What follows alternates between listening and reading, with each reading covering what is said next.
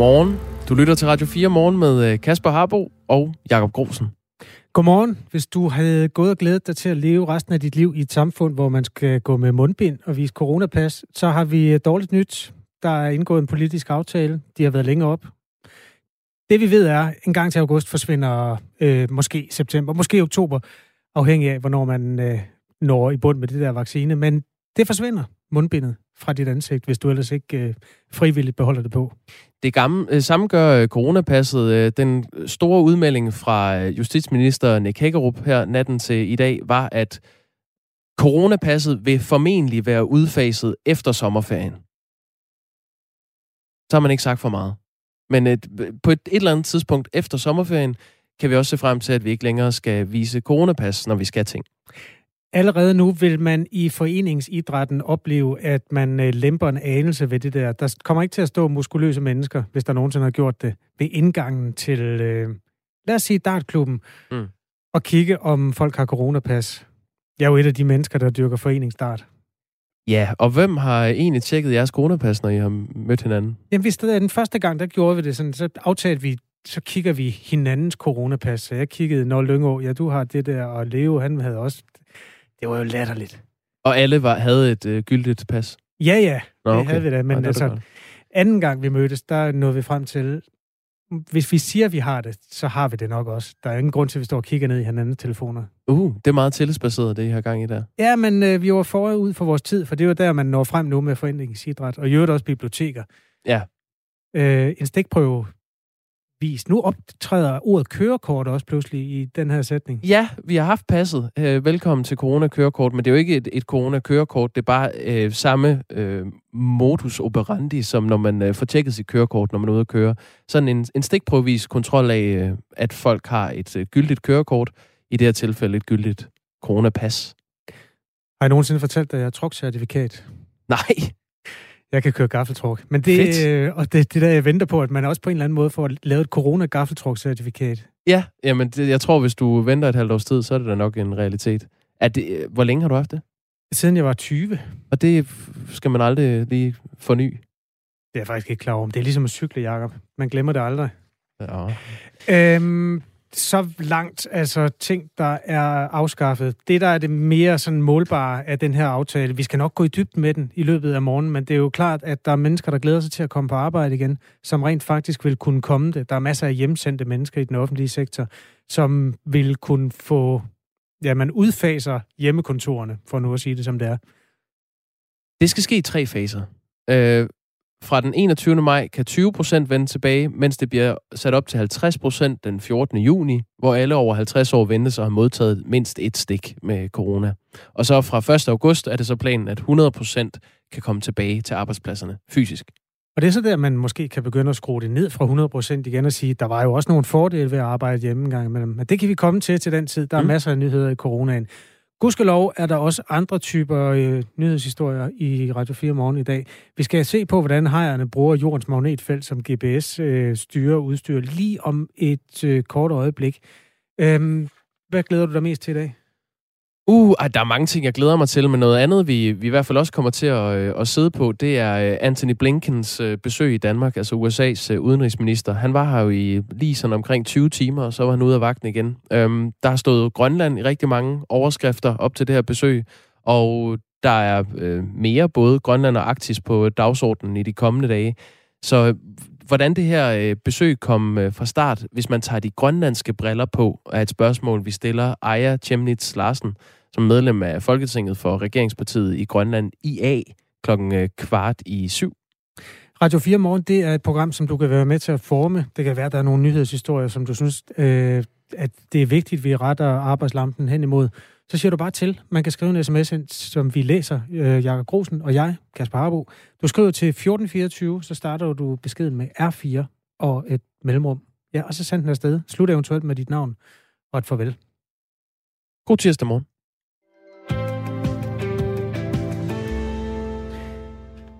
En teori, som har hersket i lang tid blandt folk med forstand på hajer, har vist sig at være sand. Man har længe troet, at hajer bruger jordens magnetiske felt som en form for GPS, når de styrer rundt. Nu har en gruppe forskere fra Florida State University undersøgt 20 huhammerhajer, og det hedder de huhammerhajer, og dokumenteret deres færden, og det er slået fast, at hajer bruger faktisk jordens magnetiske felt til at styre sig efter. Lars Skov Olsen plejer at hjælpe os med hajer, og er nu med i Radio 4 morgen igen. Godmorgen.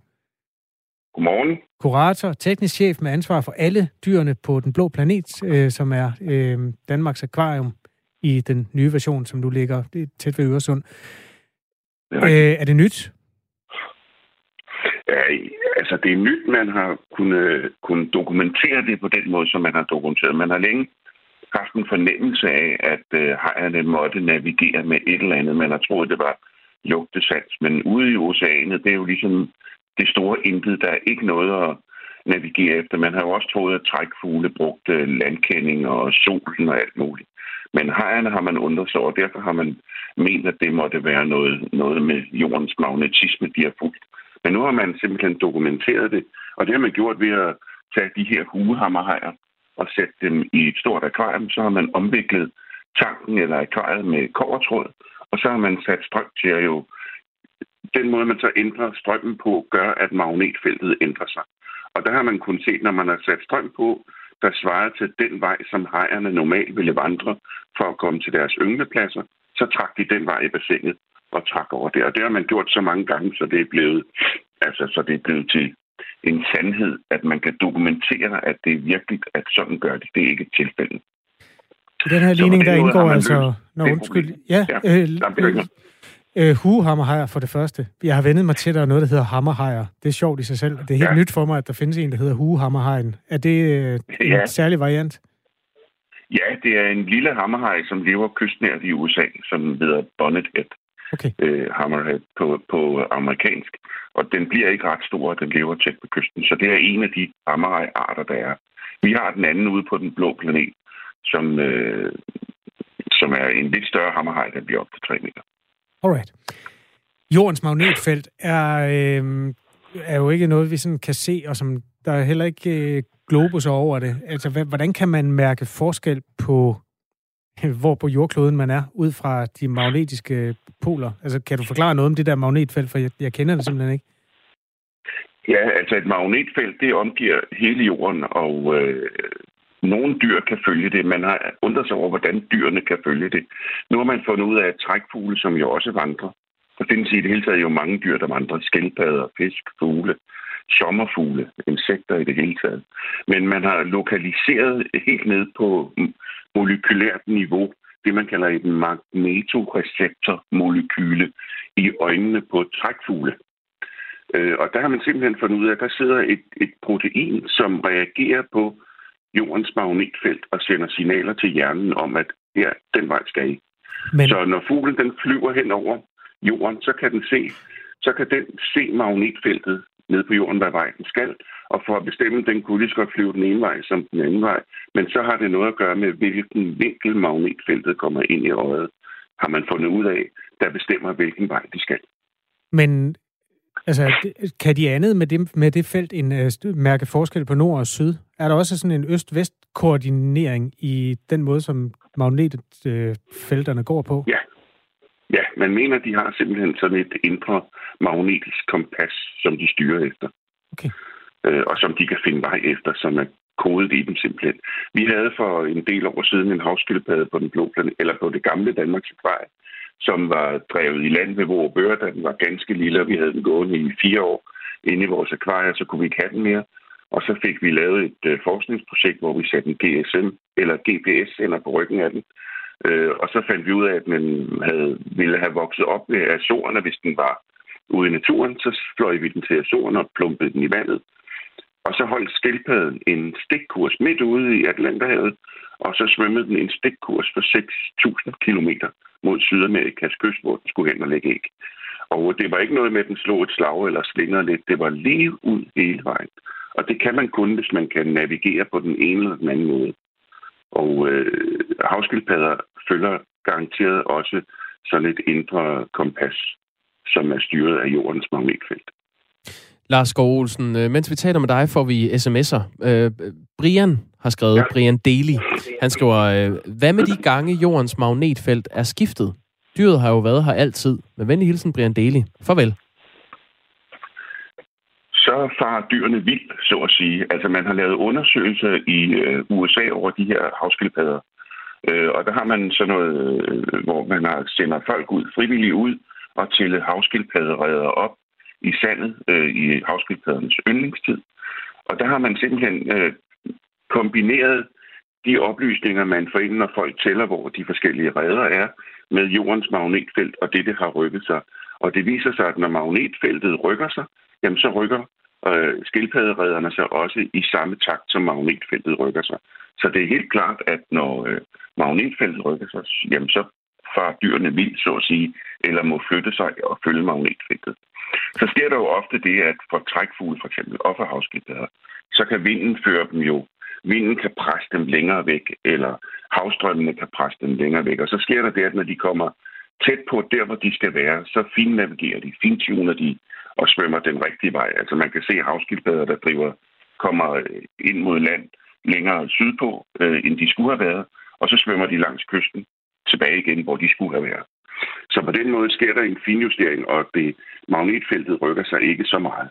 Men det er klart, over tid rykker det sig. Det over lang tid tilpasser dyrene sig. Lars Gård Olsen, vi mennesker har jo også en form for stedsans, som øh, der ikke rigtig er nogen dokumentation for, hvordan den fungerer. Ja, sådan helt anekdotisk. Dengang min, yngste, eller min første datter, da hun var helt lille, der lå hun og sov i en seng, som stod nede i fodenden, eller for, altså ved siden af vores voksenseng, men stod ligesom på tværs. Når hun så kom op i vores seng, fordi hun vågnede, og vi sådan skulle have hende til at falde til ro, så lagde hun sig der, og så faldt hun i søvn. Og så i løbet af ret kort tid, så kom hun også til at ligge på tværs. Ligesom sådan en værhane, der vil dreje sig efter vinden. Ja. Altså har ja. vi mennesker også sådan noget, øh, hvor vi styrer efter øh, en eller anden form for magnetfelt? Altså, jeg vil sige, jeg har det ikke. Jeg kan fare vild i en snibunke, men der er, der er helt, øh, helt klart nogle mennesker, som ved, hvad, hvor de er og hvad vej de skal gå. Så det, vi har et eller andet, men det er jo slet ikke noget, der minder om det, som dyrene kan, som er på et helt andet niveau, end det, end det vi kan. Okay. Men det kan være, man kan træne det så i hvert fald. Det har jeg hørt. Hvis man lægger telefonen væk, så bliver den bedre.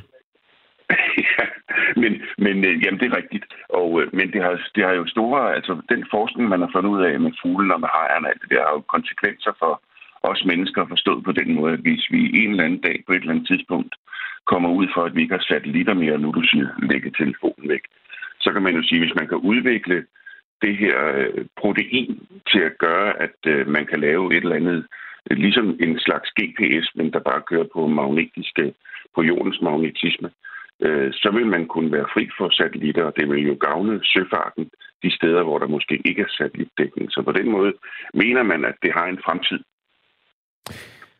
Det er altid en fornøjelse at have dig med i Radio 4 Morgen, Lars Skov Olsen. Tak fordi du vil være med. I måde. Det var så lidt. Kurator. Ja, tak i lige måde. Øh, teknisk chef for Kurator med ansvar for alle dyrene på Den Blå Planet, som altså er akvariet, øh, som ligger på Amager, tæt ved Øresund, og huser en masse, blandt andet hammerhajer.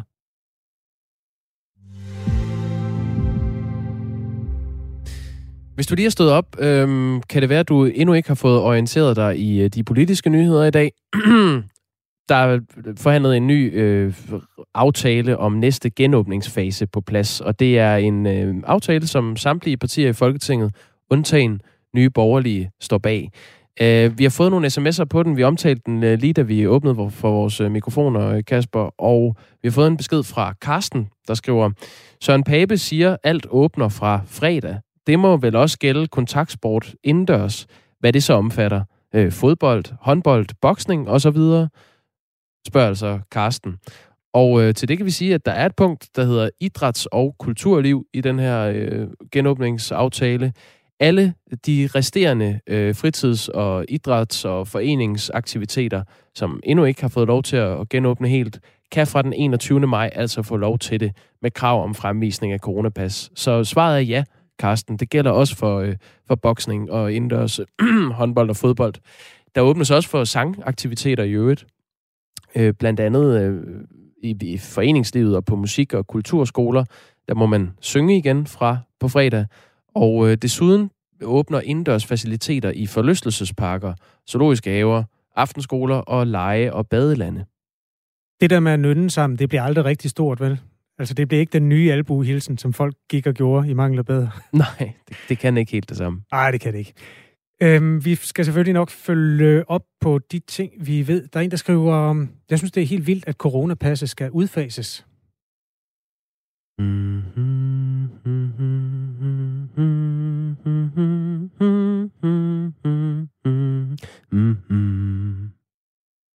Ja. Du er helt fjern. Jamen, jeg kan godt lide det. Jeg synes, øh, det er et meget godt valg. Tak skal du have. I Østen stiger solen op. Ja. Øh, nej, ja, hvad med coronapasset? Det skal øh, udfases på et eller andet tidspunkt, men først når vi er færdige med at have styr på vaccinerne. Altså, der, der, der bliver faktisk sagt, at det kan eksistere helt til august. Jeg synes, det er svært at forestille sig, i, at det også kommer til at gælde en juli måned, hvor vi overstrømmes af turister fra nær og fjern. Altså, de skal jo også øh, kunne bruge svømmehallerne og alt sådan noget der. Hvordan vil man lige håndtere det? Godt spørgsmål.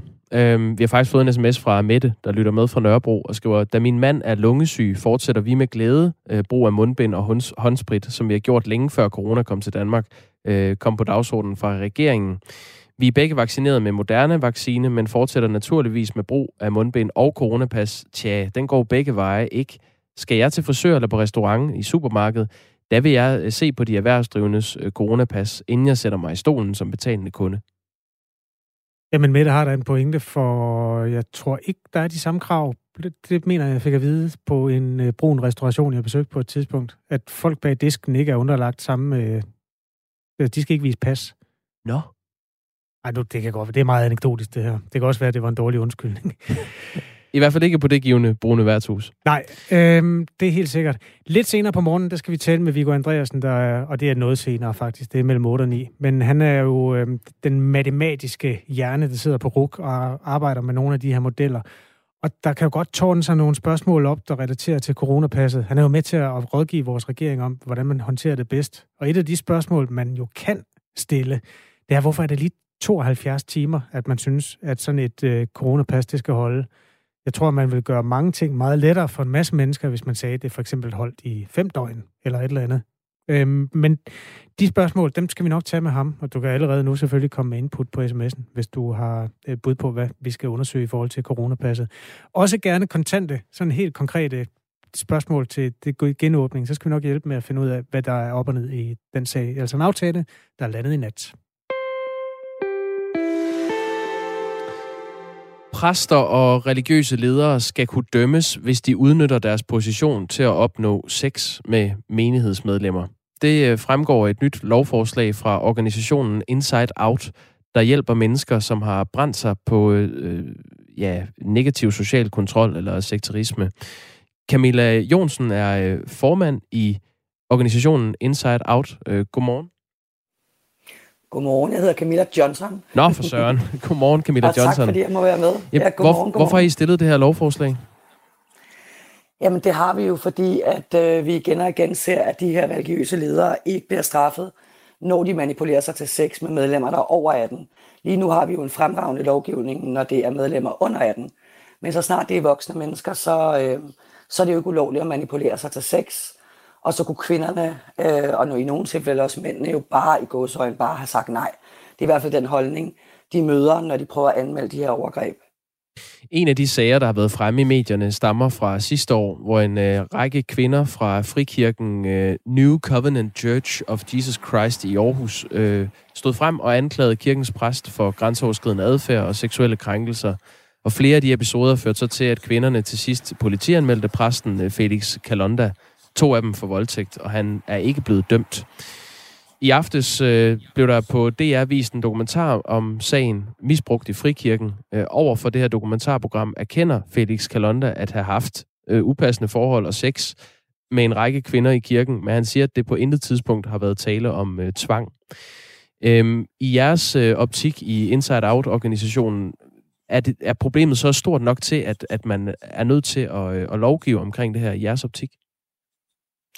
Jamen bare det, der er et offer for de her øh, mennesker, det er jo nok til, at hvis man ikke kan straffe dem, at man må kigge på lovgivningen. Men ja, problemet er også så udbredt, for det her det er jo ikke bare kirker og kristne ledere, det er jo også inden for andre religiøse organisationer og sekteris, altså sekter og sekteriske sammenhænge, øh, at de her tilfælde de forekommer. Så derfor så er det jo bredere end bare lige nogle få frikirkepræster. Hvor, hvor mange for, altså, henvendelser altså for, har I for, fået om øh, krænkelser og seksuelle overgreb?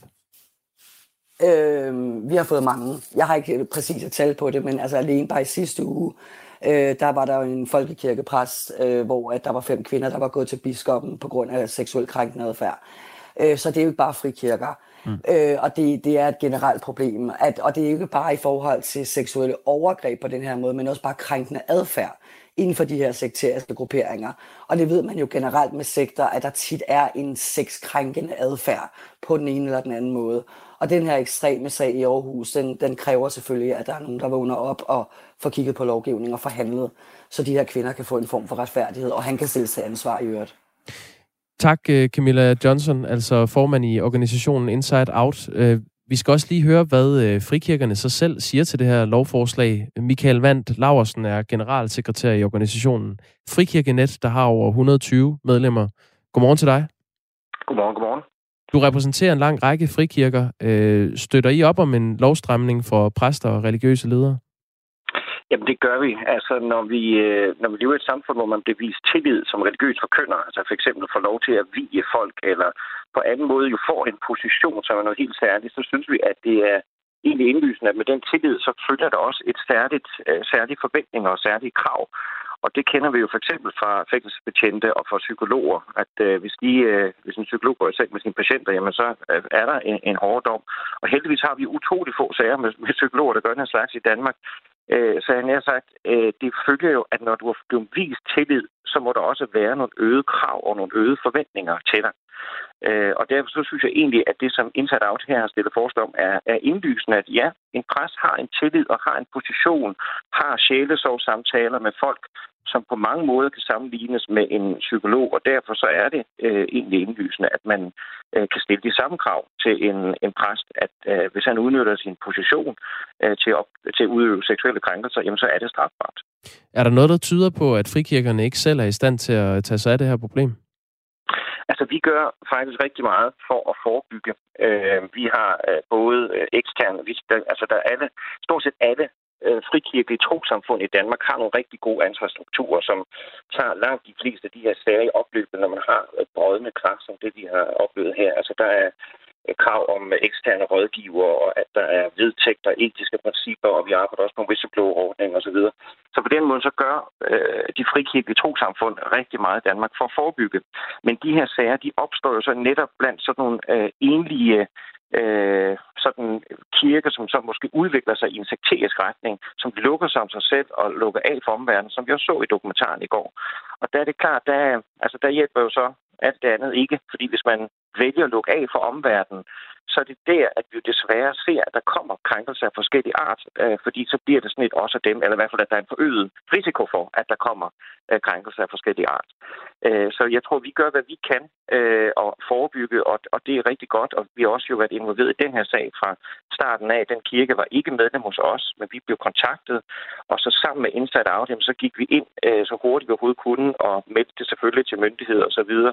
Øh, og så stod de her piger meget alene øh, og havde, øh, altså indsat Out gjort et fantastisk arbejde, og kirkerne i Aarhus gik sammen, frikirker og folkekirker, og samlede 40.000 kroner ind til psykologhjælp, fordi at når du er over 18 år, jamen, så er der ikke nogen støtte. Altså, så, øh, så får du ikke støtte til psykologhjælp. Øh, så der har jo kirkerne så trådt til og gjort dem til at, at prøve at hjælpe så godt vi kan. Men vi er ikke en politimyndighed. Så der er noget, vi kan gøre, og vi gør alt, hvad vi kan. Men folk, som, som befinder sig i et lukket miljø, som lukker af for omverdenen, og som kun mm. koncentrerer sig omkring øh, sig selv, der er der altså fare for, at sådan nogle ting kan opstå. Og der vil det være en hjælp, hvis at man også står til regnskab, når man udøver seksuelle overgreb øh, over dem, som er over 18 år gamle.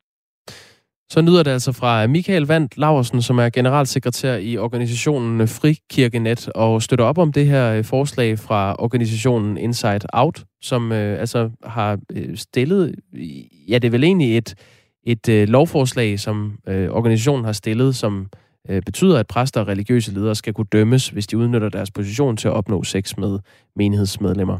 Tak fordi du var med. Selv tak. Klokken er blevet øh, halv syv. Det er tid til nyheder her på Radio 4.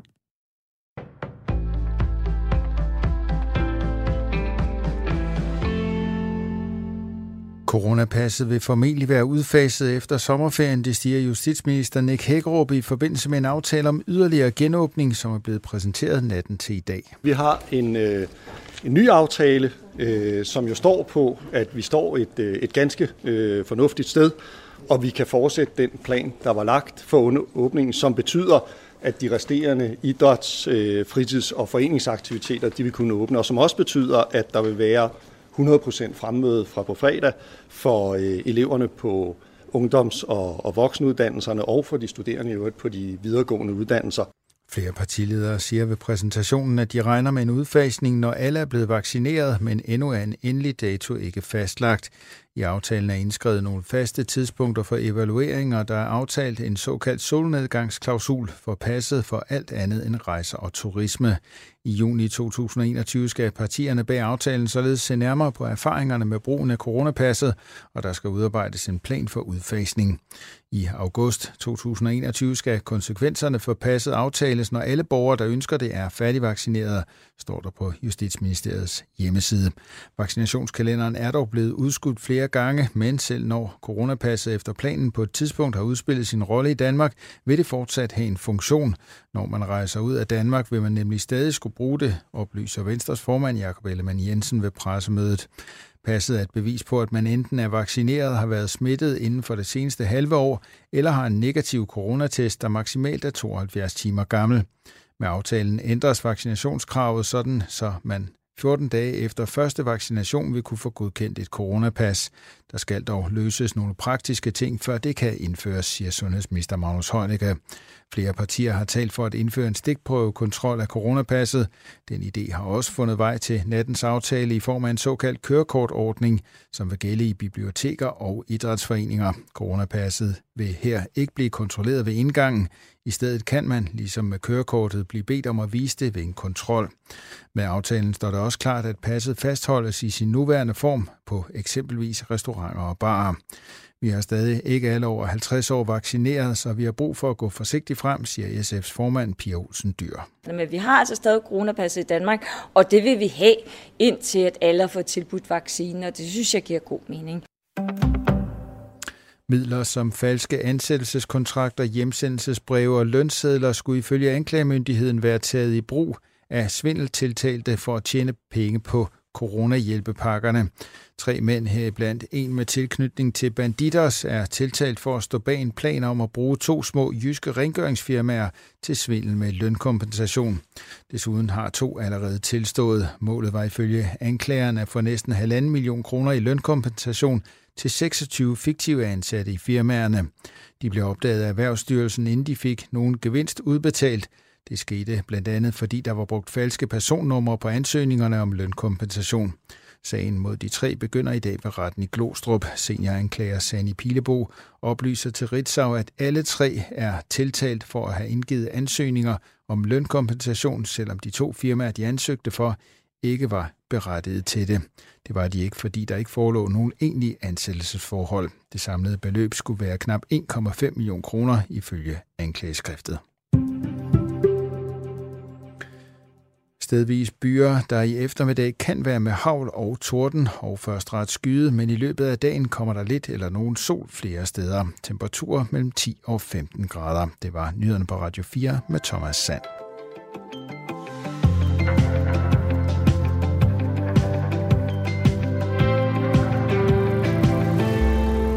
Der er post fra Brian, blandt andet, som har opfølgende spørgsmål. Er der noget nyt omkring forsamlingsforbuddet indendørs, spørger Brian. Og jeg kan svare, det er ikke nyt, men det, jo, det bliver nyt. Men det er ikke noget, en del af den aftale, der er kommet i nat. Men der er jo lavet en køreplan for, hvordan det der forsamlingsloft det bliver håndteret hen over foråret og sommeren.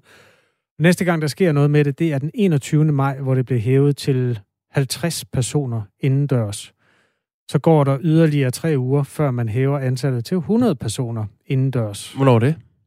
11. juni. Godt. Og så sker der vist nok det, at man 1. august afskaffer det helt. Så kan man holde abefester. Der bliver jo 50 til efteråret. Uh. Samme dag som Winona Ryder, den amerikanske Oscar-nominerede skuespiller. Og jeg har en plan om, hun ved det ikke nu, men at vi skal holde det sammen, fordi det vil være lidt sejre, at øh, i stedet for en forkølet radiovært siger, at jeg holder 50 års fødselsdag, at en stor skuespillerinde og en radiovært holder 100 års fødselsdag sammen. Altså, 100% meget sejre. Øh, Men det kræver lige forsamlingsloftet. I præcis lige gamle, dig og Winona Ryder. 29. oktober 1971, ja. Godt. Det er, det arbejder vi med. Ja, jamen øh, fint. Der skal der bare gakkes ud. Jeg forventer en invitation. Der er mere, jamen det får du. Der, tak der er mange øh, specifikke spørgsmål i forhold til det, der sker her. Kenny Fischer har bedt os undersøge øh, DM-finalerne i håndbold, som bestemt også er et øh, fokuspunkt. Det har vi en reporter i gang med at kigge på. Hvornår kan tyskerne og andre komme til at holde ferie i vores sommerhus, spørger Jakob.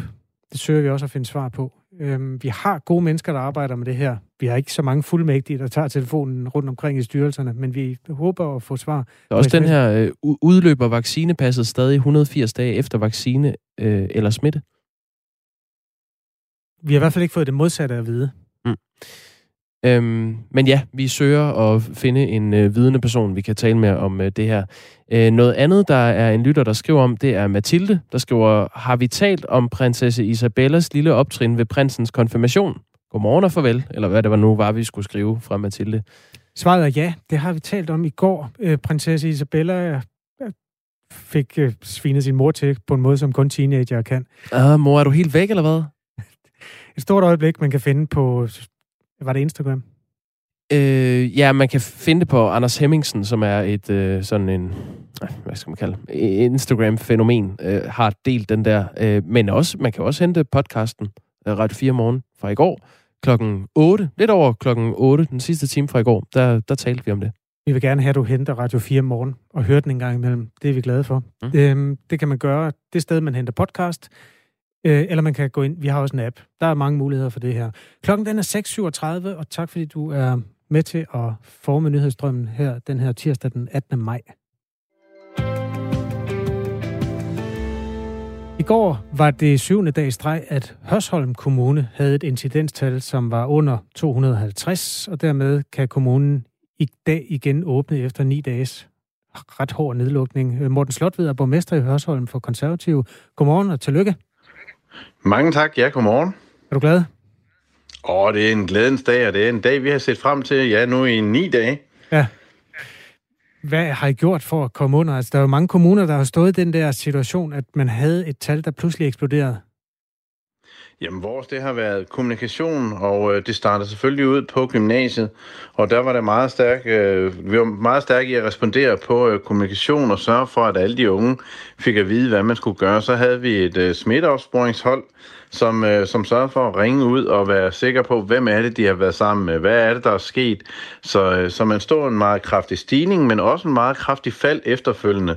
Så på den måde, der, var det der, øh, der, der gik det faktisk ret hurtigt med at få, få opsporet og isoleret. Og det er jo netop det, der er vigtigt. Det er at få sporet, hvor har de her folk været henne, som har corona, og hvordan sikrer vi, at dem, de har været sammen med i, i, i smitteperioden, at de netop kommer i isolation, så man kan komme ned under det her smittetal igen. Jeg læste i, jeg tror, det var en artikel på TV2, om at det hele begyndte med en Champions League-aften, hvor 10 unge mennesker var samlet. En af dem havde sikkert noget corona med, måske flere, men i hvert fald var der 9 ud af 10, der havde corona, da aften var forbi. Øh, er, er det også, øh, er, var det epicentret, eller er der andre ting, I har fået opklaret? Ja, nå, men det var der, det startede. Det var på gymnasiet. Altså på, øh, på fem dage havde gymnasiet lige pludselig 37 registreret øh, smittet med corona. Og øh, når vi er en kommune med 25.000 borgere, så skal vi kun have godt 60 øh, smittet i Hørsholm. Så, øh, så kommer vi over øh, de 250 i incidens. Så, så det var helt klart en, øh, en meget stor koncentration omkring gymnasiet. Øhm, dit parti er jo med i aftalen om en langsigtet genåbning af Danmark, og dermed også en del af aftalen om automatiske nedlukninger. Synes du, efter øh, ni lukkede dage, at det var en god idé af Søren Pape, at konservativ gik med i den aftale? Jeg går ud fra, at det var det, man vidste på det, på det tidspunkt, men jeg håber meget, at man nu går ind og, og genovervejer, for det er ikke hensigtsmæssigt. Det giver ikke mening at lukke en hel by ned med en incidens på 250. Det er jo ikke ude ved butikkerne, det er ikke i restauranterne, at vi har set smitten sprede sig. Det har været meget koncentreret omkring, øh, til at starte med de unge mennesker, Og, øh, og der er det mere vigtigt at få lavet smitteopsporing. Det er alt for hård en, en, øh, en opbremsning og, og stoppe erhvervslivet. Restauranterne smider mad ud for 30.000 kroner, og, og nej, det, det, det virker ikke med den, med den nedlukning. Så jeg håber, at man er blevet klogere inde i Folketinget, og at man så tager til efterretning, at man lukker altså ikke lige en by ned. Hvordan kan du egentlig vide, at det ikke har bidraget til at få jeres incidenstal bragt hurtigt ned? At man lige netop valgte at lukke hårdt ned for jeres kommune, inklusive de ting, du er inde på der? Vi har været, vi har været meget tæt dialog med øh, Styrelsen for Patientsikkerhed, så vi har været helt nede på adresser faktisk at vide, hvem er det, der er smittet, hvor er smitten henne. Og, og når man har den, øh, det samarbejde, så har man muligheden for at sige, hvor, hvor er det nok, smitten kommer fra.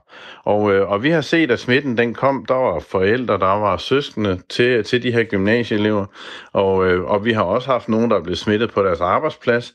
Men når vi har, når vi har haft smitteopsporing, så har det ikke været fra folk, de har været på restauranten, eller de har mødtes i, i, i andre sammenhænge. Så, så det er alt for hård en, en nedlukning, og, øh, og, og specielt byde vores erhvervsliv.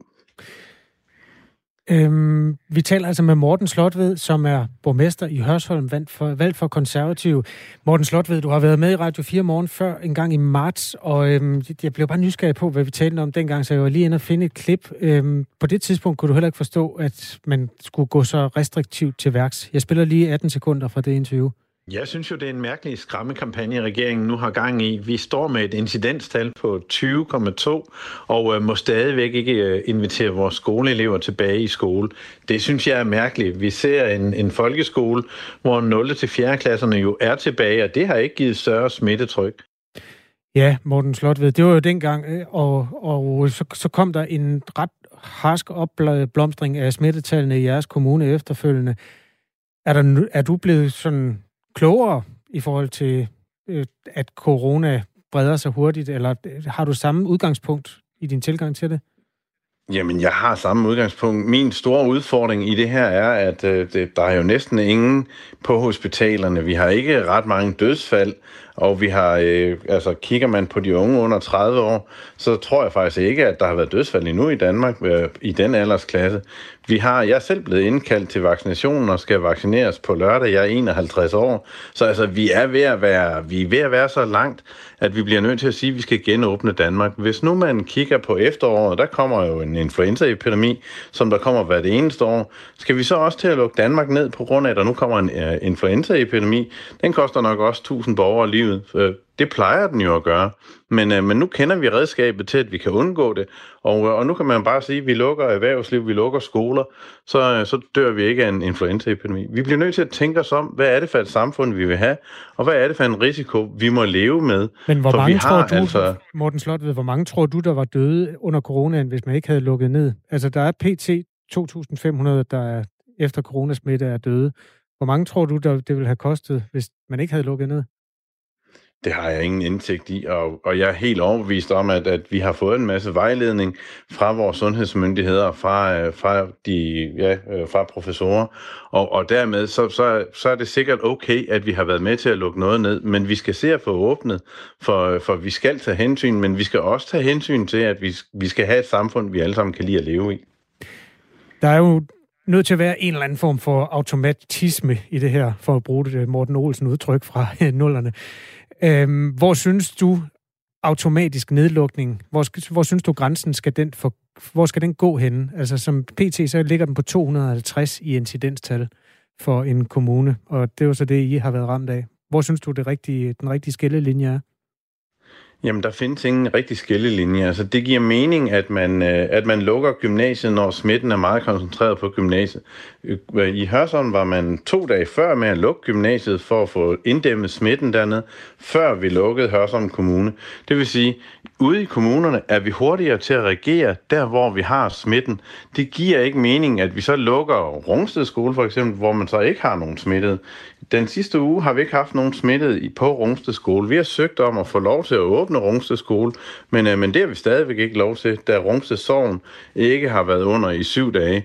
Så, så skoleeleverne på Rungsted skole, de skal stadigvæk være derhjemme.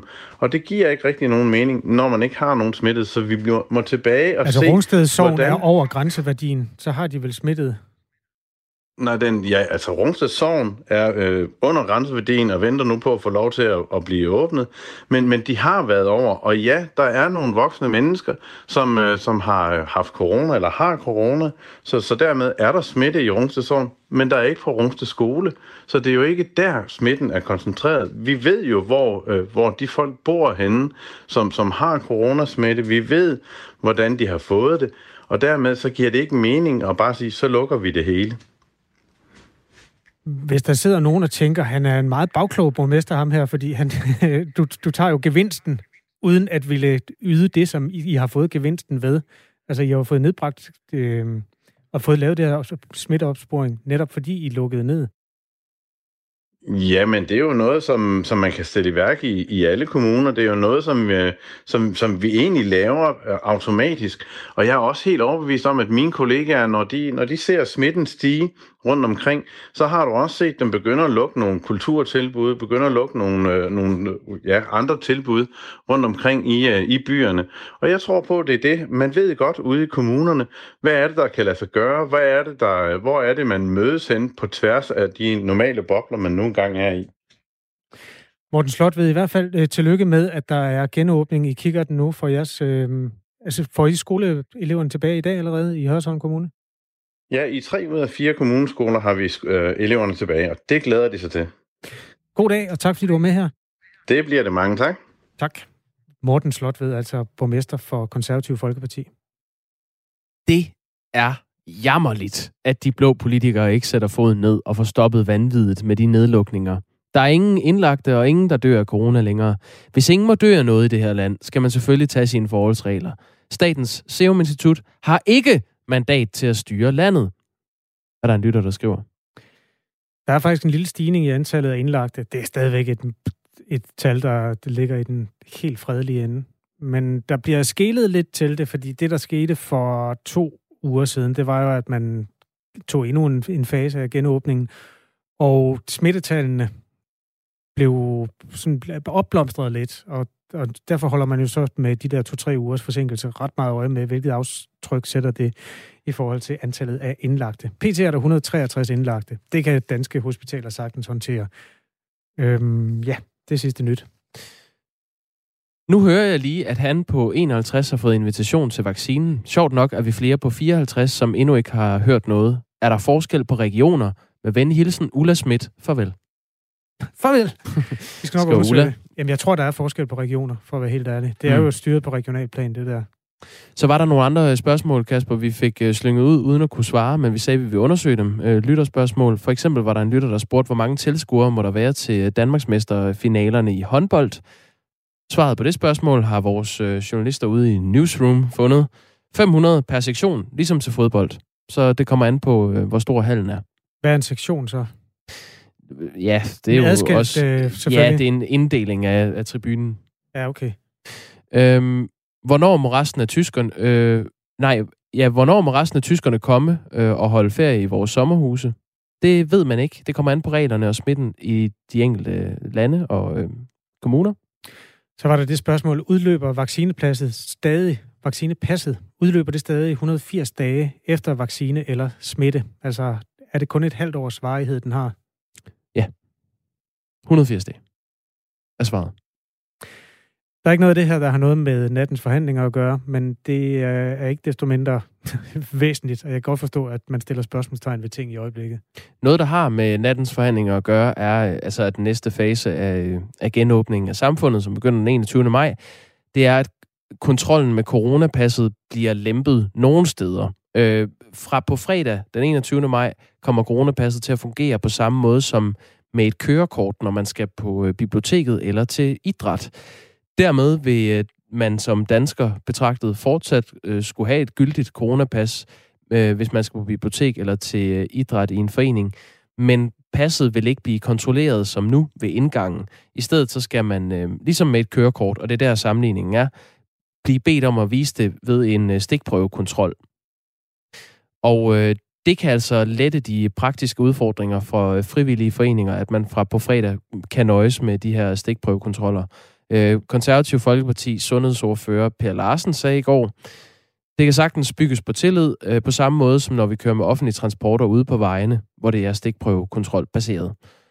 Spørgsmålet er, om den tillid er skudt over målet. Øh, vores reporter Lasse Bjergård er taget ud til et øh, kviktestcenter og spurgte i går i nogle af dem, der stod i de lange køer, om de vil lade sig teste lige så ofte som i dag, hvis det kun er en gang imellem, de skal vise det her svar i coronapasset. Og øh, her er, hvad folk svarede. Nej, det vil jeg ikke. Og hvorfor ikke det? Det tager tid at blive testet. Altså, hvis man bare kunne gå ind og få en test, så vil jeg nok gøre det alligevel. Men øh, når man skal stå en time eller måske mere og vente, så det gør det lidt, øh, lidt besværligt. Uh, nej, det vil jeg ikke. Fordi nej. jeg har ingen symptomer. Okay, så nej, det gør jeg ikke. Mm-hmm. Uh, nok ikke så ofte som nu, det er klart. Før der kommer alle lærer, så blev jeg heller ikke testet lige så ofte. Nej, overhovedet ikke. Jeg vil virkelig ikke blive testet særlig tit. Altså, så ville jeg kun blive testet, hvis jeg følte, at jeg havde været sammen med mange mennesker. Vil du blive testet lige så ofte, Kasper? Det kan jeg ikke svare på. Også regeringens støttepartier, Radikale Venstre og Enhedslisten, var for en øh, lempelse af øh, kontrollen med det her coronapas. Dog gælder det ikke for restauranter og fitnesscentre endnu. Her skal man øh, stadig vise passet, og det fungerer altså ikke som et kørekort de steder. Vores øh, reporter Lasse Bjergård spurgte også, om de fremmødte ved det her kviktestcenter i Aarhus, hvor han øh, tog øh, øh, opstilling i går, ville altså teste mindre, hvis det fremover ikke blev nødvendigt for at komme ind på restauranten eller i øh, træningscentret. Selvfølgelig vil jeg tænke over, om øh, jeg kunne bære smitten videre, og derfor blive testet en gang imellem. Men altså, det er klart, at den her incitament med at skulle bruge det så mange steder, det gør, at man bliver testet. Jeg synes, det er lige, øh, det, det, det er lige mange gange nok at blive testet sådan øh, en-to gange om ugen. Vi har, vi har implementeret rigtig mange af hvad vil sige, sådan nogle adfærdsregulerende ting i hverdagen, så, så både i forhold til rengøring på arbejdspladsen, men også dem, man ikke ses med, så tænker jeg, jeg tænker, at den fare den er væsentligt reduceret ved de ting, som vi ikke længere gør i hverdagen. Jamen, jeg føler ikke, at det er... Altså, jeg synes lidt, det spilder ressourcer, at vi skal blive testet så tit, som vi gør. Lige nu føler jeg ikke, at vi omgås med særlig mange mennesker. Så jeg synes ikke, det er så relevant at blive testet så tit, som vi gør lige nu. Jeg kan godt se, at det, hvis man vælger at... Altså, jeg vil jo heller ikke lade være med helt at blive testet. Jeg vil bare gøre det markant mindre. Jeg, har, jeg føler, at jeg kender en del, som sådan, de bliver testet hele tiden. Det synes jeg bare ikke er nødvendigt, at vi gør. Altså sådan, jeg føler virkelig, at vi bruger mange ressourcer på at blive testet så tit, som vi gør. Og hvis man alligevel ser de samme mennesker, og de heller ikke ser særlig mange, så føler jeg bare ikke, der er grund til at blive testet så tit. Vi rydder op i øh, bunken af coronaspekulationer i en ja, øh, mellem 7 og 8 blandt andet, hvor vi skal se på, hvad der sker øh, nu, hvor kontrollen med coronapasset bliver lempet i forbindelse med idræt og biblioteker.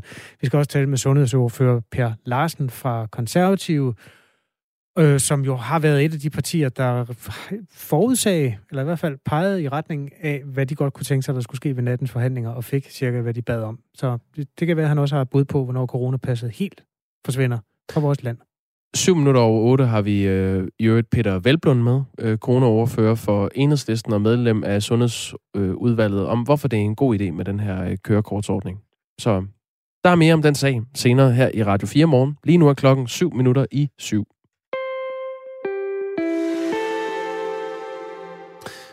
Der har stået Grønland i rigtig mange overskrifter op til USA's udenrigsminister Anthony Blinkens øh, besøg her i Danmark. Og der er mere Grønland og Arktis på dagsordenen i de kommende dage. Hvordan er Blinkens besøg kommet fra start, hvis man nu tager de grønlandske briller på? Det øh, skal vi øh, blive klogere på nu med Aya Chemnitz Larsen, som er medlem af Folketinget for Regeringspartiet i Grønland, IA. Godmorgen til dig. Godmorgen. Hvad er det, som er øh, vigtigt for Grønland at fastslå over for den amerikanske udenrigsminister?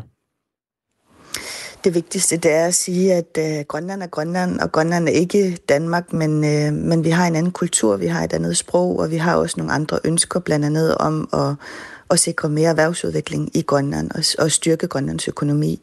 Og vi har jo fået en ny regering, som har en masse ambitioner på det her område, så, så timing er jo rigtig god. Hvorfor er det vigtigt at slå fast, at Grønland er Grønland og Danmark er Danmark? Jamen, jamen, det er for at sige, at øh, Grønland har også sine egne ambitioner om at, øh, at udvikle sit eget land, ligesom Færøerne jo også har gjort det, og Øh, ligesom, vi ønsker ligesom at være med til at sikre en bedre økonomi i, i Grønland. I dag der fylder bloktilskuddet mere end 50 procent af de indtægter, vi får.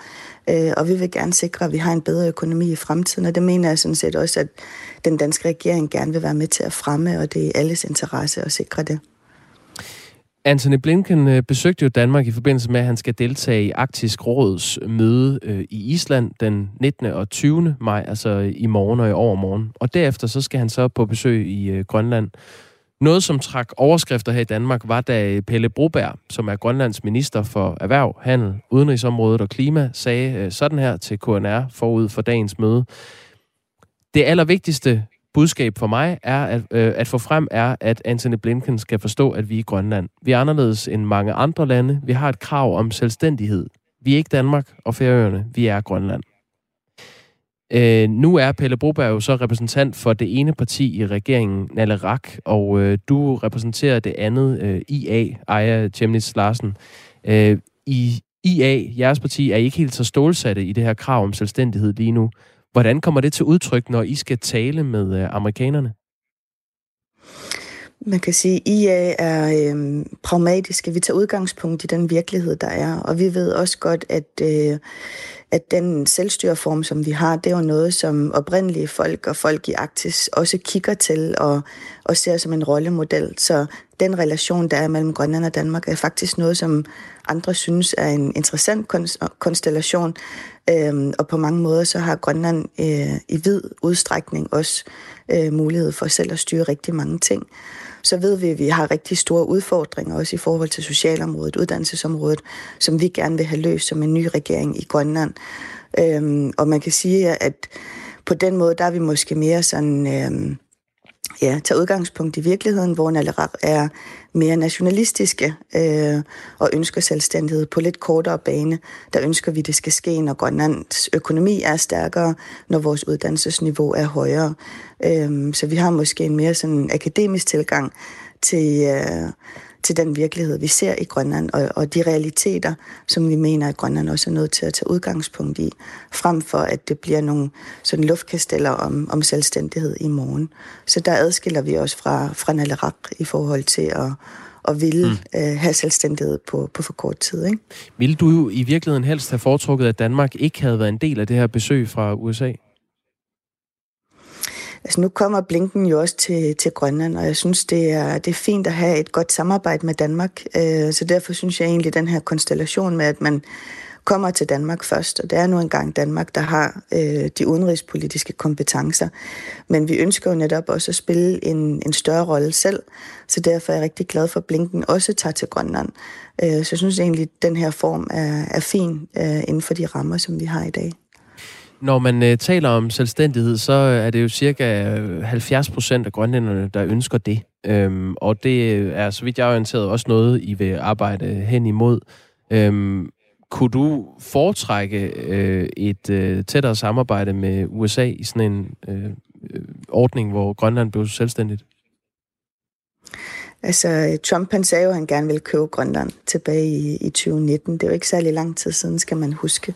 Og det her besøg, hvor Grønland i høj grad er højt op på dagsordenen, det understreger jo bare Grønlands vigtige rolle i, øh, i Arktis. Og øh, nu har vi også en rigsfællesskabsdebat i, i Folketinget her senere i dag. Så der er ingen tvivl om, at Grønland er rykket langt højere op på dagsordenen. Og øh, altså, og det, jeg tror, man kommer til at se det i endnu højere grad også i den kommende tid, at vi kommer til at fylde meget mere i den politiske dagsorden. Men jeg mener også sagtens, at vi kan gøre det på en måde, hvor vi kan samarbejde godt også med Danmark. Men vi er nødt til også at, også som en ny regering at levere varen på erhvervsudvikling. Så det er det, der har været vigtigt for os. Det sagde Aya Chemnitz Larsen, som altså er medlem af Folketinget for Regeringspartiet i Grønland, øh, IA. Tak fordi du var med. Selv tak. Det her det er Radio 4 Morgen med Jakob Grosen og Kasper Harbo. Vi prøver for det første at samle op på, hvordan Danmark skal være fra den 21. maj, når den nye politiske aftale, som blev indgået i nat, den træder i kraft, og der er masser af løse ender. Der er for eksempel spørgsmålet, som er kommet, ja, det er kommet i flere versioner. Hvornår kan vi smide mundkurven væk? Jeg tror, der menes mundbindet. Mm, det er faktisk et øh, godt spørgsmål. Præcis hvornår står jo ikke klart endnu. Det vi ved fra nogle af dem, der overvejede nattens forhandlinger, det var, at øh, Christian Thulesen Dahl på et tidspunkt kom løbende forbi. Nå, du har billedet der. Jeg har fundet ham på Twitter. Han har lagt et billede op, hvor han... Øh, altså, nu kan man ikke se hans mund, for han har mundbind på, men jeg kan se på øjnene, at det er et smil, der når over øjnene, det der. Og så skriver han, gæt, hvad vi har fået gennemført en slutdato for. Ramadanen. Nå nej, mundbindet selvfølgelig.